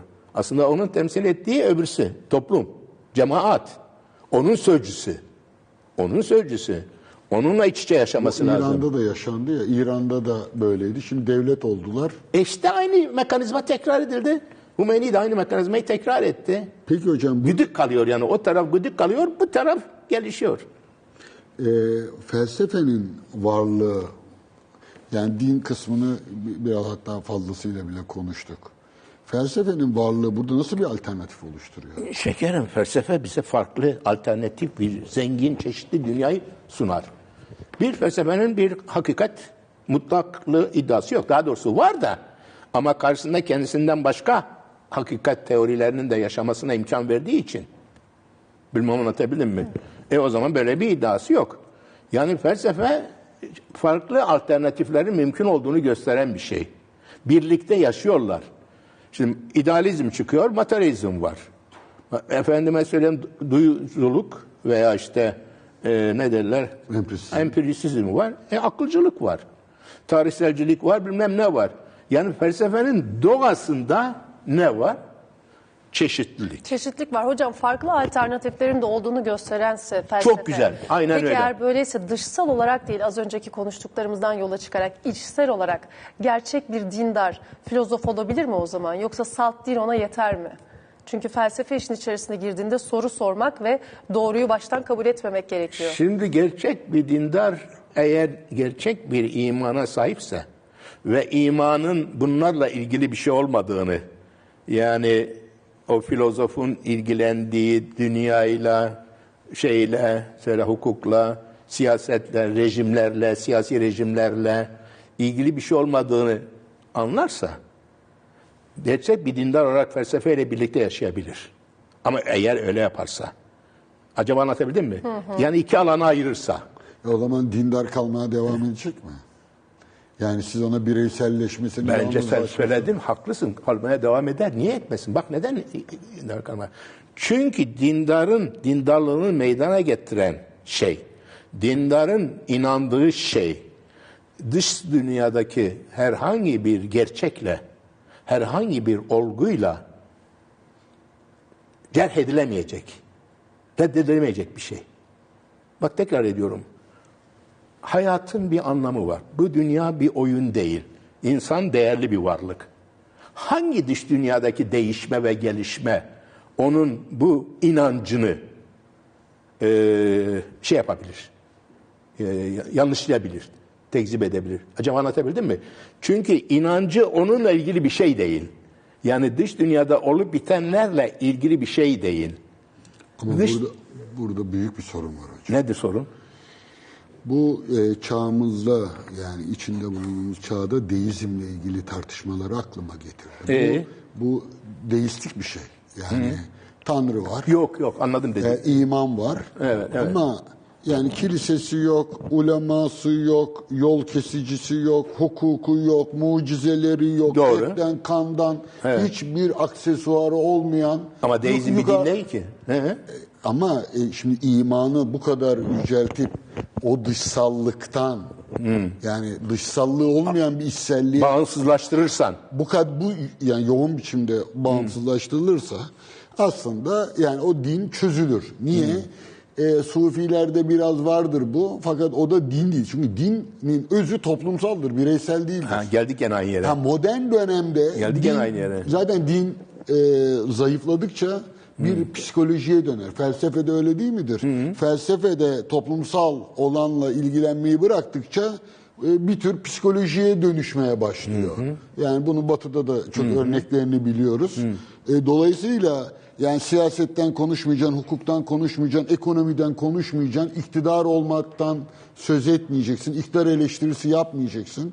Ya iktidar, iktidar yanından ya muhalefet yanından ama oturduğun yerde işte insanın içsel zenginliği filan diyeceksin. Doğru. Bir dindarı e, yani e, bu aksesuarlardan e, yoksun bir dindarlık çok ütopik.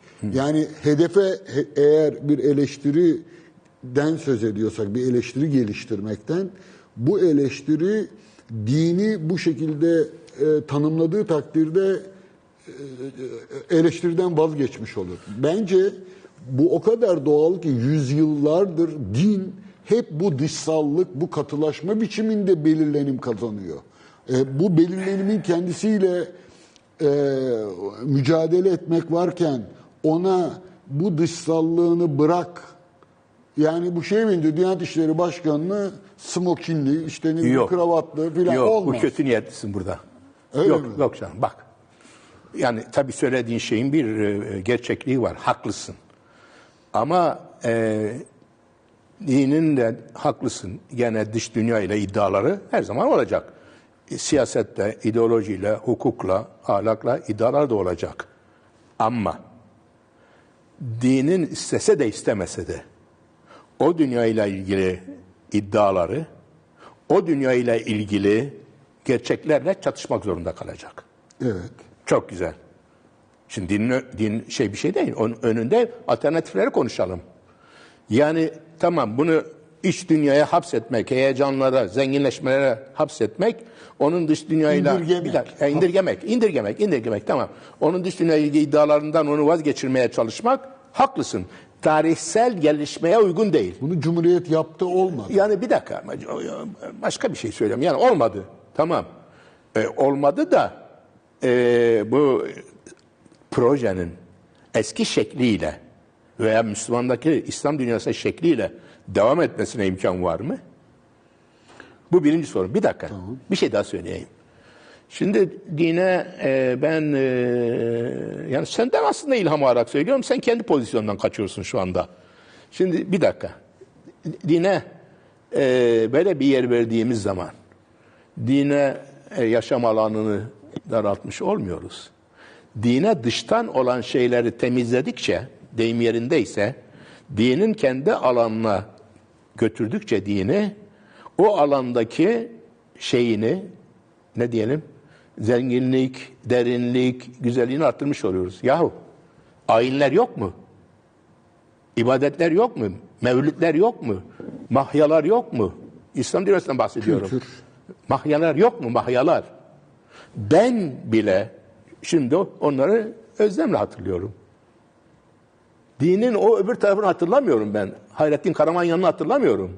Anlatabildim mi? Neyin yanını hatırlıyorum?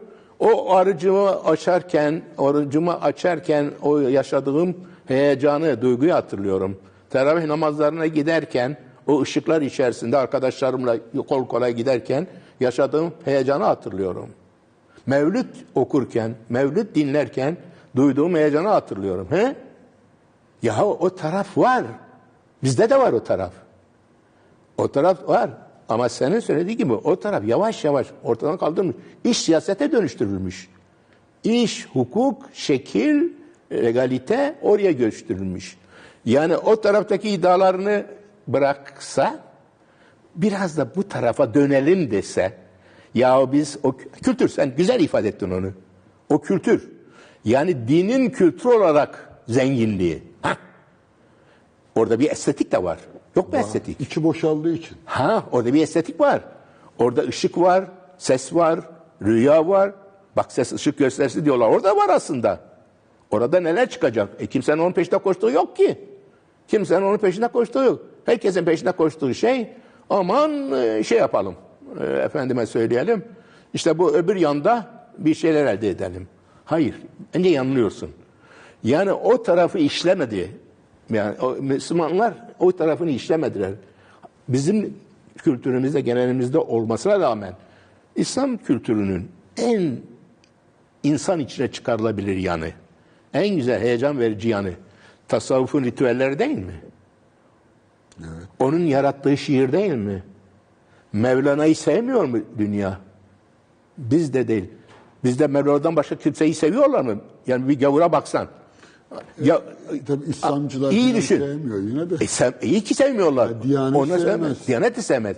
Ama Mevlana'yı Bat'ta seviyorlar mı sevmiyorlar mı? Severler. Seviyorlar. İngilizler de seviyor. Amerikalılar da seviyor. Çünkü evrensel. Güzel. Yunus'u da seviyoruz. Şiirlerini de seviyoruz.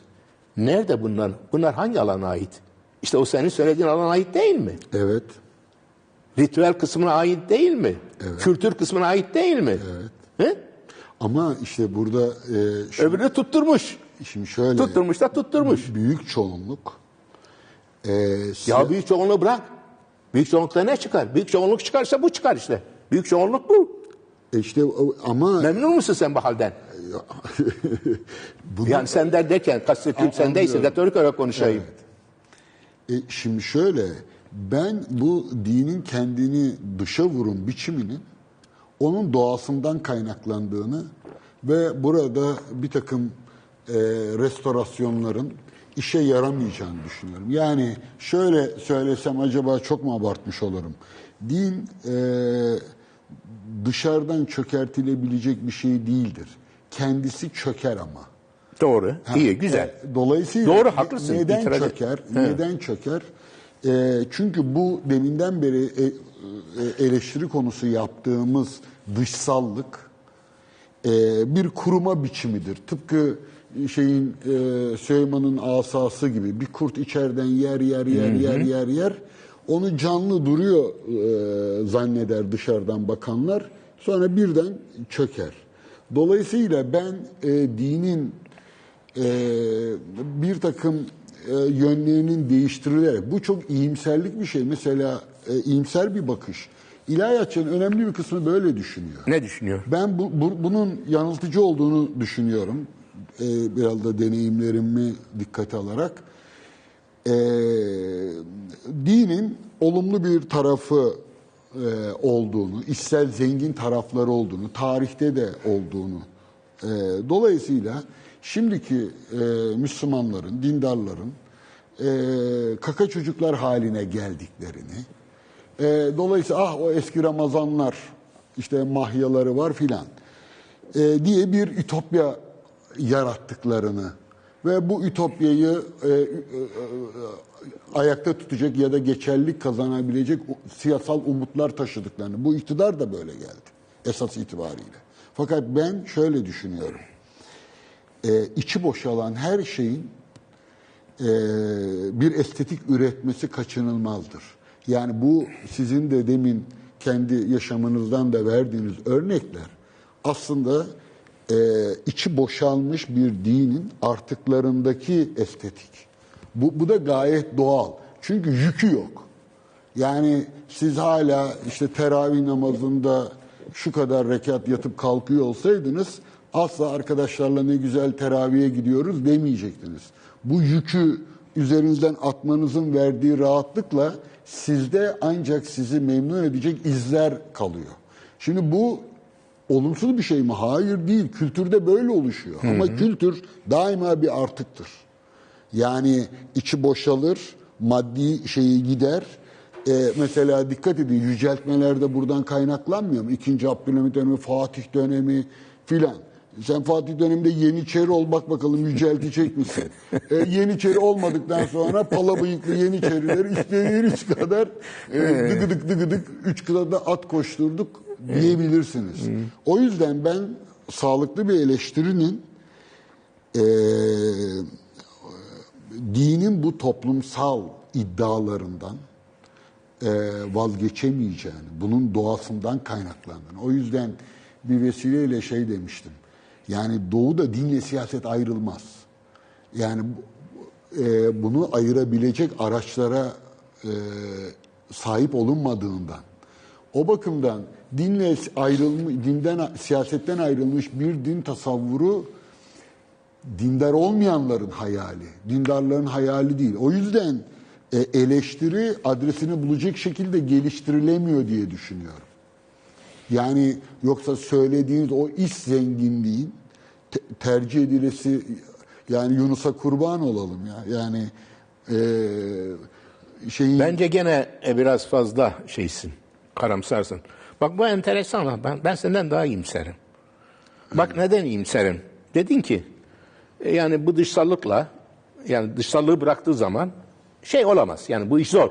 Hayır böyle, bu, o- böyle olanaklı olsa Ha, tamam ama, ama- ama- olanaklı değil. Şimdi ben diyorum ki o dışsallığın içerisinde bu içsellikle ilişki kurularak modernleştirip geliştirilebilecek unsurlar vardır.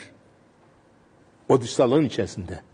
O dışsallığın içerisinde bu içsellikle kurulmak istenen ilişkiye izin vermeyen unsurlar vardır. Bak çok basit bir örnek vereceğim. Çok güzel söylediniz. Ne dediğimi anladın mı? Şimdi ya dayanışma, yardımseverlik, vakıf, çocuk okutma, Afrika'da efendim kuyu açma. Hı? Bak ben en hoşuma giden o. En hoşuma giden o. Yani bak bu bir hayır, hayrat. Bak bu, bir şeylik. E başka insanlara, ihtiyacı olan insanlara yönelik insani bir tutum. Benim kardeşim de e, gitti şey açtı. Afrika'da bir kuyu açtı. Onlara şey yapmak için. Gerçi orada da tabii Müslümanlara açıyorlar. Yani Hristiyan'a açmıyor. Yani bilmem nereye açmıyor. Olsun fark etmez. Şimdi bu unsur var mı? Böyle bir unsur var mı? Bu unsur yani işte bu hayırseverlik, Yüksek tesanüt, toplumsallık duygusu. ha, toplumsallık unsuru var mı dinin içerisinde? Var. Dışsallıkla da bu ilişki kurulabiliyor mu? Kurulabiliyor. Evet, doğru. Gördün mü? Gördün mü? Öbür örneği verdik. Ne örneğini verdik? Mevlütler dedik. Şiirler dedik. Mahyalar dedik. ışıklar dedik. Onlar da yok mu? Ya kültürde var bunlar. Bunlar olmaz, olmamasına imkan yok. Ve hiç kuşkusuz. Allah'tan ki şu var. Yani benim ben iyi tarafım şu. Urfa'dan geldim. Urfa'da herkes cahil olduğu için şeyi bilmiyorlardı.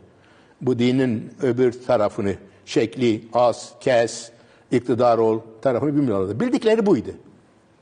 Yani mahalle dini. Ha öyle diyelim. Ama şey düzeyde, aşağı düzeyde. Ama gene mahalle dini. Yani heyecanları, duyguları, he, bunlar, bunlarla ilgili bir şeydi. O var şekerim, o var. Zaten öyle yaşayacak. Ya öyle yaşayacak, Ankara'ya gidene kadar. He. Ankara Tabii, tabii. yaranından olunca tabii o başka iş. Yani ben senin kadar karamsar değilim orada. Olabilir ama kimse o kaynakları açıp da onları geliştirmeyi falan şey yapmamış, düşünmemiş. Çünkü gözü şeyde herkesin, iktidarda. E şeyin de öyle. Fethullah öyle yapmadı mı? Yani ben başlangıçta dedim ki bu şey, yani bu iyi. İşte bak e, bu e, e, öbür normal e, unsurlara dayanacak. Yani adam devlet istiyormuş. Hay devlete al başına çal. Ne yapacak devletin? Ne dediğimi anlatabildim mi? Ha devlet de devlet. Devlet de devlet. Ee, ş- şimdi tabii biraz e, ba- ba- ya aslında aynı şeyleri söylüyoruz ama farklı dillerle. Şimdi felsefe de, de Fedon diyaloğuna dayanarak o hep orta çağda en çok şey söylenir. Felsefenin amacı Tanrı'ya benzemektir diye. Tanrı en büyük hükümdarsa bütün dindarlar potansiyel olarak hükümdarlığa yönelik bir e, şey eğilim içindedirler. Yani siyaset ve e, güç esas itibariyle o dini duygulardan Bu da, bu da, bu da, bu da fazla genelleme. Bu da hükümdar mı? e, tabii e, İsa hükümdar mı? İslam özelinde konuşuyor. E, İsa İsa hükümdar mı? Adam çarmıha geriliyor. Acı çekiyor. Hem Tanrı hem acı çekiyor. Müslüman da onu anlamıyor. Bak Tanrı acı çeker mi? Çünkü Tanrı ancak muktedirdir. Muntakimdir. Yani şeydir, despottur. Anlatabildim mi? aşağıya Acı çeken Tanrı. Ama şeyde de var. Yunan'da da acı çeken Tanrı var değil mi? Dionysos. Oradan geliyor. onu pek tanrılığa kabul etmiyor. Ya o başka mesele.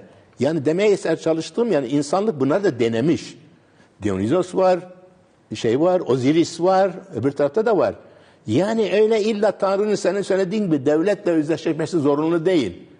Tanrı fakirler de olabilir. Fakirler de Tanrı olabilir. Şimdi ben olmalı, demeye çalışıyorum. e, şu, şunu Ama bizim geleneğimizde yok. O ayrı. Ha, yani şöyle ben e, meselenin pratiğine bakarak böyle söylüyorum.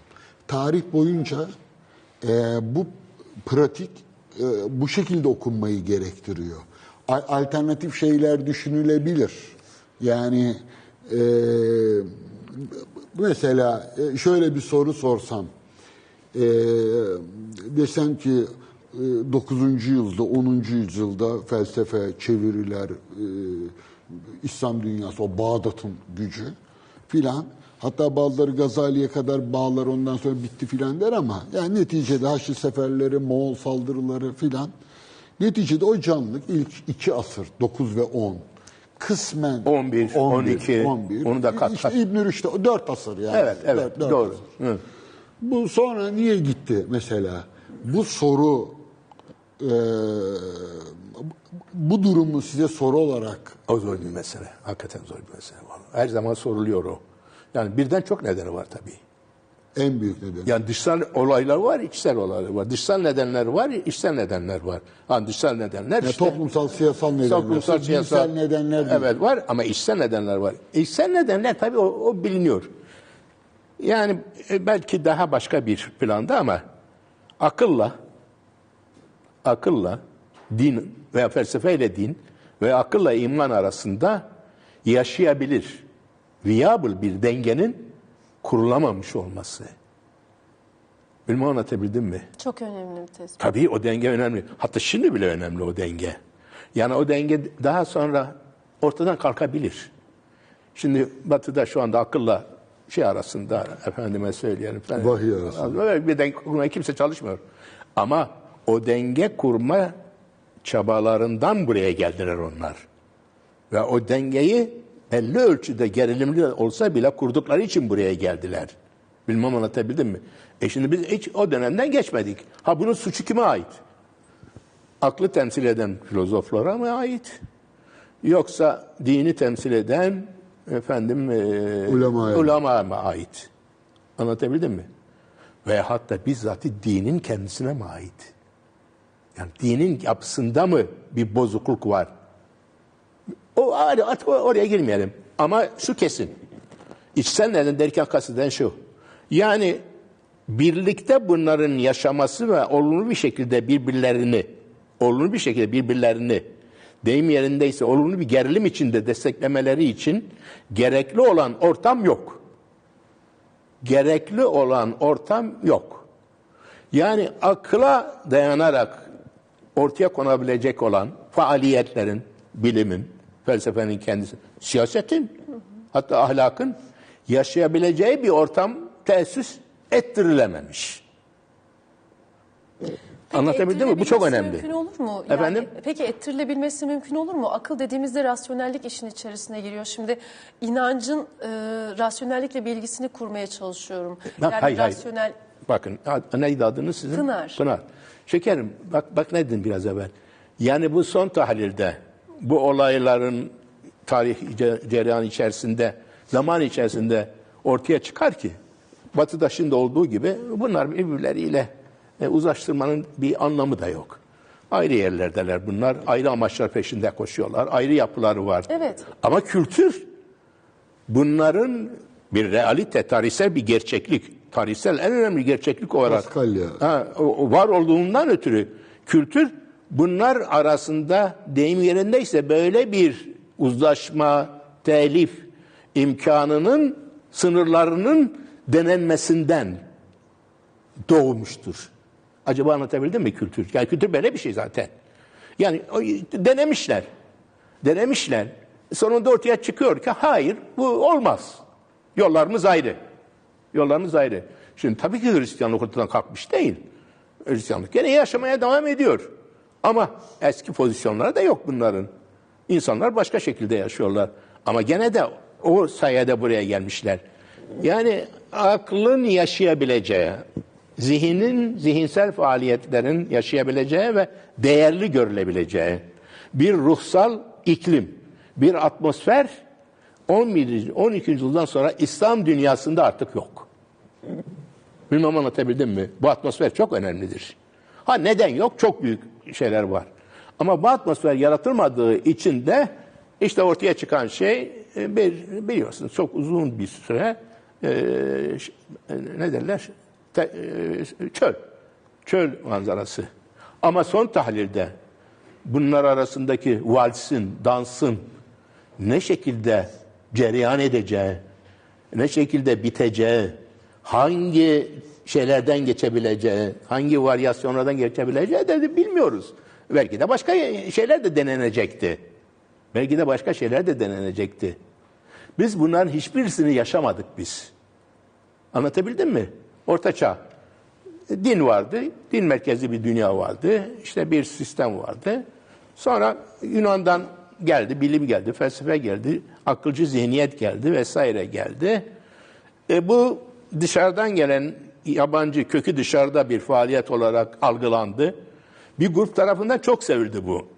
Ama bir başka bir grup asıl dini şey, ulema tarafından tehlikeli olarak algılandı ve bir türlü şey yapılamadı. Yani bunun e, naturalize edilmesi toplum tarafından kültür içerisinde kabul edebilmesi için gerekli olan atmosfer sağlanamadı. Ama mesela Hristiyanlığı düşün. Tamam Aristo veya Yunan geldiği zaman İslam dünyasının da etkisiyle e, 12. 13. yılda Paris Üniversitesi Teoloji Fakültesi karşı çıktı. Tezlerinin 200'ü yanlış dedi. Dedi ama bir adam geldi. Zaman da demek buna uygundu. Akinoli Sentoma'dan bahsediyorum. Geldi, yok ya dedi, bunlar birbiriyle telif edilebilir. Din yukarıdan bir ışıktır. Onun ahlakı başka bir ahlaktır. Felsefe teolojinin hizmetkarıdır. Felsefe teoloji hizmetkarıdır. Her zaman söylüyorum iki ışık vardır. Biri tanrısal ışık, biri insani ışık. İnsani ışık dışsallığı aydınlatır. İnsani alanı anlatabildim mi? Yani ahlakı, iki ahlak vardır. Hristiyan ahlakı, doğal Aristoteles ahlakı. Doğal ahlak, Aristoteles ahlakı işte mutlu ol der, işte bilmem doğal ol der, cesaretli ol der, ölçüsüz olma der, adaletli ol der. Birdenbire Hristiyan ahlaka yukarıdan bakar. Bütün bunlar der. insanın varlığının, insanın şeyinin bir tarafıdır. Hayır. Merhametli ol, şefkatli ol, sev, Mütevazi ol. mütevazi ol. Çok güzel. Kibirlenme. Çok güzel, çok güzel. Bak başka bir şey. Şimdi bunlar birbiriyle telif mi edildi? Hayır, kademelendirildi. Yukarıya daha üst bir ışık, ilahi ışık ve o ışığın gördüğü, gösterdiği değerler konuldu. Aşağıda insanın doğal ışığı, lümiyer natureli, onun aydınlattığı, aynen onun aydınlattığı gerçekler görüldü. E ikisi kademeli olarak teoloji, felsefe. Felsefe, teoloji, hizmet ikisi bir araya geldi. Bu aynı şey ahlakla ilgili söylediğim bu e, telif e, siyasetle ilgili olarak da yapıldı. Bilmem neyle de ilgili. Neticede yani aklın kilise tarafından e, bizim e, şey tarafından, ulema tarafından reddedildiği kadar sert bir şekilde reddedildiği ve ona hiçbir yer verilmemesi toplumsal yapı ve yarışı içinde olayı gerçekleşmedi. E biz bunu sevdik ama ondan sonra da bu hale geldik. Bilmem anlatabildim mi? Ha işte bu yani benim çok genel çizgiyle gördüğüm şey bu. Ha başka kültürlerde bunlar var mıydı? Mesela Hint, Çin kültürü. Onları ben bilmiyorum. Batı ile biliyorum. Batı'yı iyi bildiğim için biliyorum. Yani o kadar gene tekrar ediyorum. Karamsar değilim oradan. Ama şimdi bu safhada ne yapılabilir dersen e valla bilmiyorum. Yani bu safhada önce bir defa şu konuştuğumuz şeylerin biraz ciddi alınması lazım. Yani biraz bu ayrımların ruh, dışsallık, içsellik, iman, şeriat, tarihsellik, değişme, Modernlik. değişmeme, modernleşme denilen olaylar üzerinde ciddi ve namuslu bir şekilde kafa yormak lazım. Ciddi ve namuslu bir şekilde Tartışmak lazım. tartışmak lazım. Ve bunları tartışmanın zeminini e, sağlamak lazım. Bunların tartışmanın zeminini sağlamak lazım. E bugün konuşma zeminimiz bizim din adına konuşma zeminimiz Kuş dili. asansörde asansörde yanındaki adam sakallı mı sakallı değil mi? Eğer sakallıysa gönlün ona akmaz, sakallı değilse gönlün ona akar. Bu da bilmem nedir. Düzeyimiz bu. Mu? Evet bu. E canım bundan daha yüksek düzeyler var mı? E varsa da ben bilmiyorum. Onlar her zaman şey çıkın ortaya. Bak mesela sen çıkıyorsun ortaya. Ya da Ramazan geldiğinde sorulan sorular Efendim? mesela. Ya da her Ramazan geldiğinde Çok güzel. sorular. sorular. Ha şimdi bir de oraya gelelim. Zamanımız var mı? Var. Bak şekerim. Şimdi burada bir başka bir ciddi problem var. Şimdi Ramazan geldiğinde hep sorulan sorular ne biliyor musun? Şeyin doğrusu ne? İşte bu, bu işin doğrusu ne? İbadetin doğrusu ne? Zekatın doğrusu ne? Kime soruyor? Şey, o sorulan sorulan hiçbirisi aslında eee, ciddi, anlamlı, insana yakışır sorular değil. Çünkü mesele şu, bak yine iman eksikliği, iman konusunun derinleştirilmemesi. Yani soru şu, neyi yaparsam, hangi şekilde, hangi yolla uygun bir şekilde yaparsam benim ibadetim doğru olmuş olur. Bakın anlıyor musunuz? Bakın ibadet ve doğruluk. Yani şekle uygunluk. Yani- Üç taş atarsam doğru mu? Hayır yanlış. Bir taş atarsam doğru. Etrafımda bir dönersem yanlış. Ya görmüyor musunuz bunun ne kadar şey bir şey olduğunu? Ne diyelim? Sakil bir şey olduğunu. Ya da çok şekilci. Ya şekilci ama ben daha da kötü bir şey düşünüyorum. Ya sen insansın insan. Senin ruhun var. Senin özgürlüğün var. Aklın var. Ruhun var derken ne kastediyorum? Ya düşün görmüyor musun bunun sana dindarlığına uygun olup olmadığını? Yani sezmiyor musun? Bunu bile bunu bile şeye mi soruyorsun? Adama mı soruyorsun? Yani yüksek duygular, yüksek olaylar, yüksek şeyler sor. Efendim e, Düjane'ye sor. Ulan bundan mı soracaksın ya adama? Efendim e, biliyorsunuz değil mi? Bir de dinliyorlar o adamı böyle böyle ağızları açık olarak Sahurda dinliyorlar. ağzımda bir pirinç kaldı. Bir Abi şeyler böyle yani çocuksu yani çocuksu bile değil yani enfantil enfantil bile değil. Ayıp yahu. Hakikaten ayıp. Ayıp yani hiçbir adam gördüğünüz din adamı. Ya bu saçma sapan sorular niye bana soruyorsunuz? Kızım sen insansın. İnsansın insan. Senin bir ruhun var. Ama Evet, sen Ya bur- burada e, yani insanları biraz eşitliyoruz. Yani öyle bakıyorsunuz. Şimdi mesela diyelim ki imkan olsaydı birkaç tane cami hocası, hatta köy camisi, kasabacı böyle mahalle camisi imamları olsaydı. Onların halkla olan ilişkilerini benim biraz e, fırsatım oldu. Yani halkın sorduğu soruları tabii normal olarak e, çok çocuksu görmeniz doğal. Yani öyle çünkü. Ama halk böyledir zaten. hayır canım. Halkı böyle yaptık biz. Yani, Ya biz derken şey kastetmiyorum. Politikacıyı falan yani kastetmiyorum. bireysel olarak gelişme mümkün olabilir ama toplumsal düzey Yani bu kadar çocuk düzeyine onu soktuk. Yani onu bu tür lafları bekleyen bir hale getirdik. Onu anlatmaya çalışıyorum. Yani hiçbir gördünüz mü bir ciddi bir namuslu bir din adamının ya bunlar ayıptır bu sorular sormayın. Bakın tekrar ediyorum. Ya bunlar insana yakışmaz yahu. Hani zibde-i alem bu? Hani bu zibde-i alemdi bu? Hani Tanrı'nın bilmem aynasıydı ve görüntüsüydü bu? Bu mu? Bu mu? Bu soruyu soran mı var? Bu. Ama siyasetin zemini bu kitle değil mi? E bu? Yani şunu demeye E çalışıyorum. iyi de bunu, ne yapalım yani bunu? E, şöyle, e, bu şikayet ettiğimiz kitlenin e, doğal vasıflarından soyutlayarak onların böyle olmaması gerektiğini varsaymak yerine onların tarih boyunca batıda da doğuda da yani bütün halkların, dindar halkların e, temel sorunları bu sorular e, Bütün seviyesinde. dinler haklar demez. Yani onlar başka, zaman içinde başka, biz başkayız. Yani avam havas ayrımı vardı eskiden. Oraya geçme, oralar onlara da geçme bence. yani şunu demeye çalışıyorum. Sürü ahlakı diye bir şey vardır. Yani ben- Yani biz şimdi fiilen var olan şeyleri bırakalım. Yani bu bu durumdan bu durumdan nasıl bir eylemle, nasıl bir zihinle, nasıl bir öneğiyle çıkacağız? Çıkmamız lazım. Çünkü bu olacak iş değil bu. Yani bu devam eder ama işte böyle devam eder. Yani insanlara uyarmak lazım. İnsanlar hatta itiraz kabalarına vurmak lazım. Ya o- Felsefenin konusu haline getirerek mi? Felsefe yaparak mı? Bence felsefenin konusu değil de normal bir insanın konusu Normal haline insan getirerek. konusu haline getirerek. Çünkü Yani normal bir insana yakışmıyor. Sen bana sorduğun şeyler, benimle tartıştığın şeyler var. Bir de tartışmadın değil mi? Tartışmaya değer görmediğin, kararı kendin verdiğin. Yani sağduyunla, tecrübenle, aklınla, sezginle verdiğin şeyler var. Yahu insanlardan bütün bunları yok etmişiz. Yani insanlarda artık sezgi falan da yok. Anladın mı? Sezgi yok. Hiç. Yani kendi sezgisini kastediyorum. Kendi sağduyusunu. Ya buna çareyi sen bulacaksın.